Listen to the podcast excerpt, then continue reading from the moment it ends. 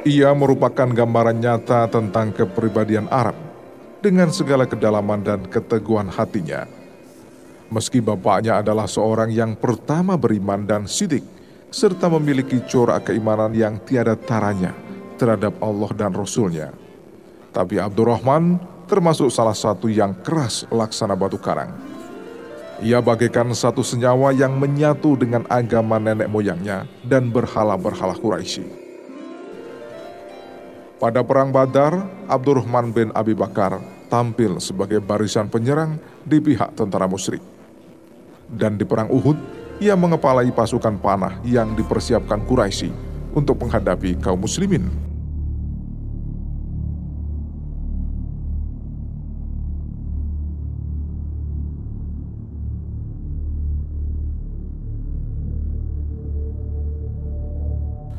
Saat itu, sebelum kedua pasukan bertempur, lebih dulu dimulai dengan perang tanding satu lawan satu. Abdurrahman bin Abi Bakar maju ke depan dan meminta lawan dari pihak kaum muslimin. Maka saat itu bangkitlah bapaknya, Abu Bakar Siddiq, untuk melayani tantangan anaknya. Mengetahui hal itu, Rasulullah melarang sahabatnya itu dan menghalanginya untuk melakukan perang tanding dengan putranya sendiri. Meski Abdurrahman bin Abi Bakar sangat hormat kepada bapaknya, namun keteguhan hatinya terhadap keyakinannya tetap berkuasa, hingga tiada terpengaruh oleh keislaman bapaknya. Maka seraya berkaca pinggang, ia tetap berdiri teguh dan tak beranjak dari tempatnya, dan tetap ingin membela berhala-berhala Quraisy serta melawan kaum muslimin. Dalam perang Uhud itu akhirnya batal dilaksanakan perang tanding satu lawan satu. Dan langsung kedua pasukan bertempur membela keyakinan masing-masing.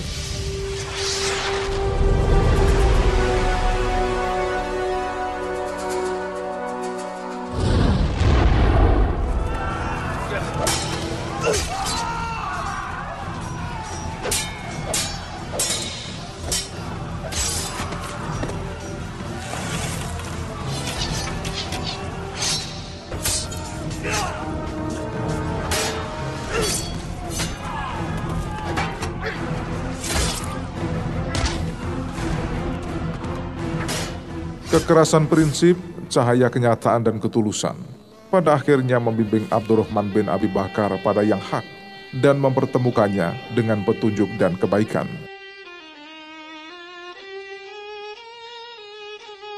Saat itu disadarinya Allah Subhanahu wa taala telah mengurat dan mengakar pada diri dan jiwanya. Secepatnya ia bangkit melakukan perjalanan jauh menemui Nabi Muhammad wasallam untuk kembali ke pangkuan agama yang hak, hingga ia memutuskan menjadi seorang Muslim.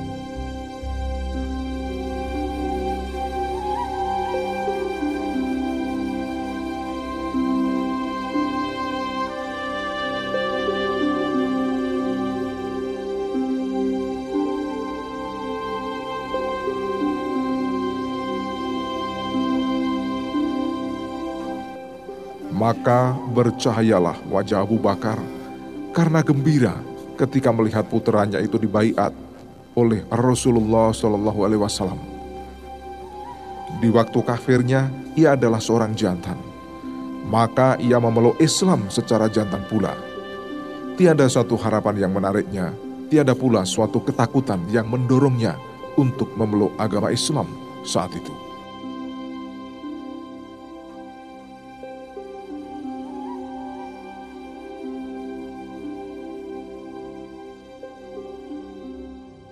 Mulai saat itu, Abdurrahman bin Abi Bakar berusaha sekuat tenaga untuk menyusul ketinggalan-ketinggalannya selama ini, baik di jalan Allah maupun di jalan Rasul dan orang-orang mukmin.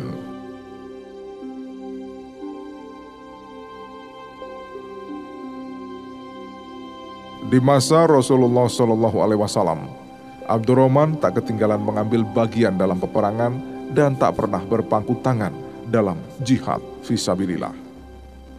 Dalam peperangan Yamamah, jasa Abdurrahman bin Abi Bakar amat besar.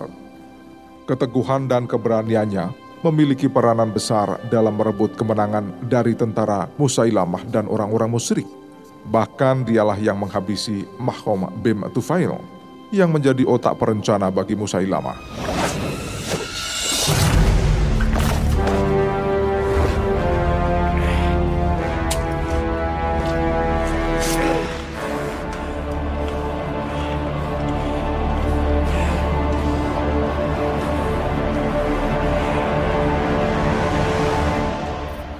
Dengan segala daya upaya dan kekuatannya, ia berhasil mengepung benteng terpenting yang digunakan oleh tentara murtad sebagai tempat yang strategis untuk mempertahankan diri.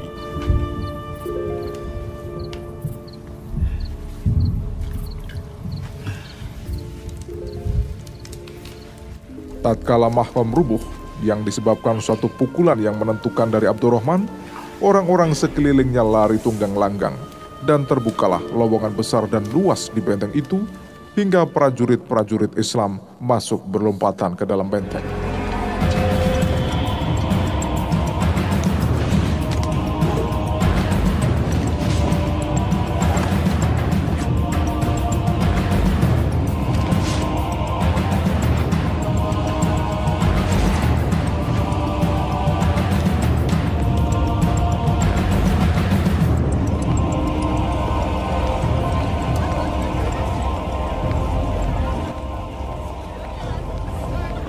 Bawah naungan Islam, sifat-sifat utama Abdurrahman bertambah tajam dan sangat menonjol.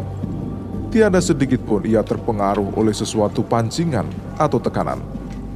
Misalnya, Muawiyah memutuskan hendak memberikan bayat sebagai khalifah bagi Yazid di bawah ancaman senjata.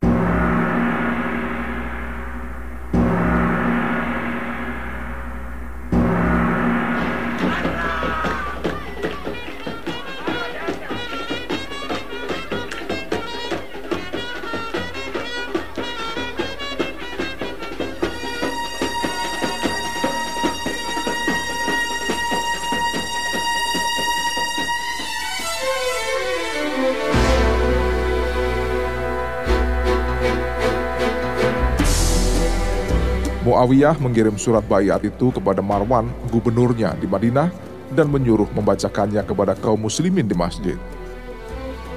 Marwan akhirnya melaksanakan perintah itu. Tapi belum lagi selesai ia membacakannya, Abdurrahman bin Abu Bakar bangkit dengan maksud tidak merubah suasana hening yang mencekam itu menjadi perlawanan. Ia berkata, Demi Allah, rupanya bukan kebebasan memilih yang Anda berikan kepada Nabi Muhammad Wasallam, tapi Anda hendak menjadikan kerajaan seperti di Romawi. Hingga bila seorang kaisar meninggal, tampillah kaisar lain sebagai penggantinya.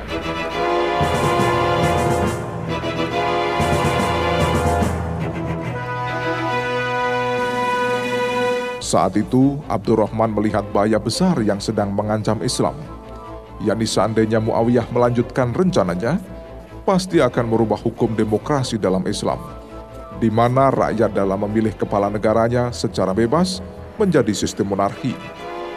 Rakyat akan diperintah oleh raja-raja atau kaisar-kaisar yang akan mewarisi tahta secara turun-temurun.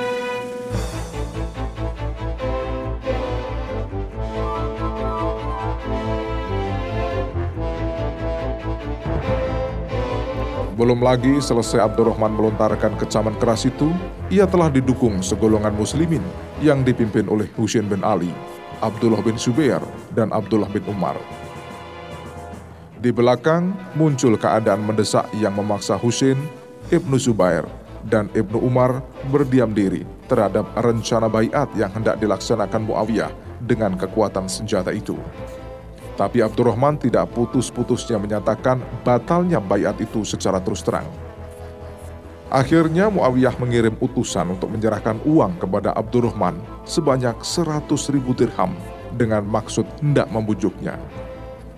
Tapi Abdurrahman bin Abi Bakar melemparkan harta itu jauh-jauh dan berkata kepada utusan Muawiyah, Kembalilah, kembalilah kepadanya dan kembalikan uang ini serta katakan bahwa Abdurrahman tak hendak menjual agamanya dengan dunia.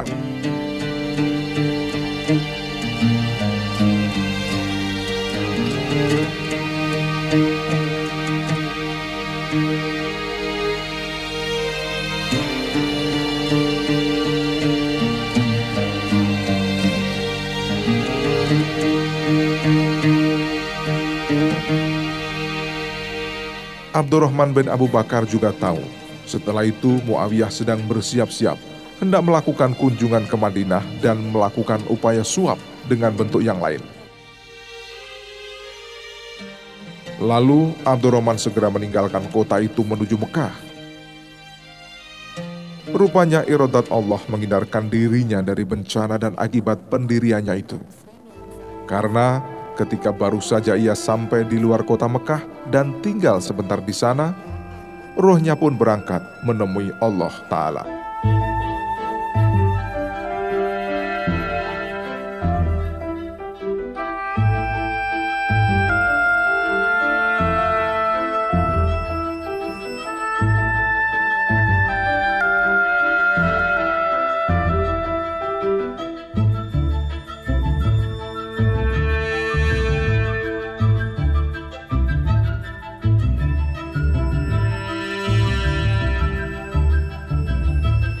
Orang-orang mengusung jenazah Abdurrahman bin Abu Bakar di bahu-bahu mereka dan membawanya ke suatu dataran tinggi di kota Mekah, lalu memakamkannya di sana.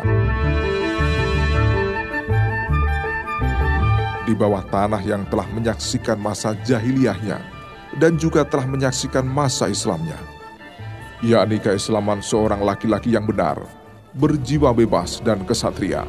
Dialah Abdurrahman bin Abi Bakar.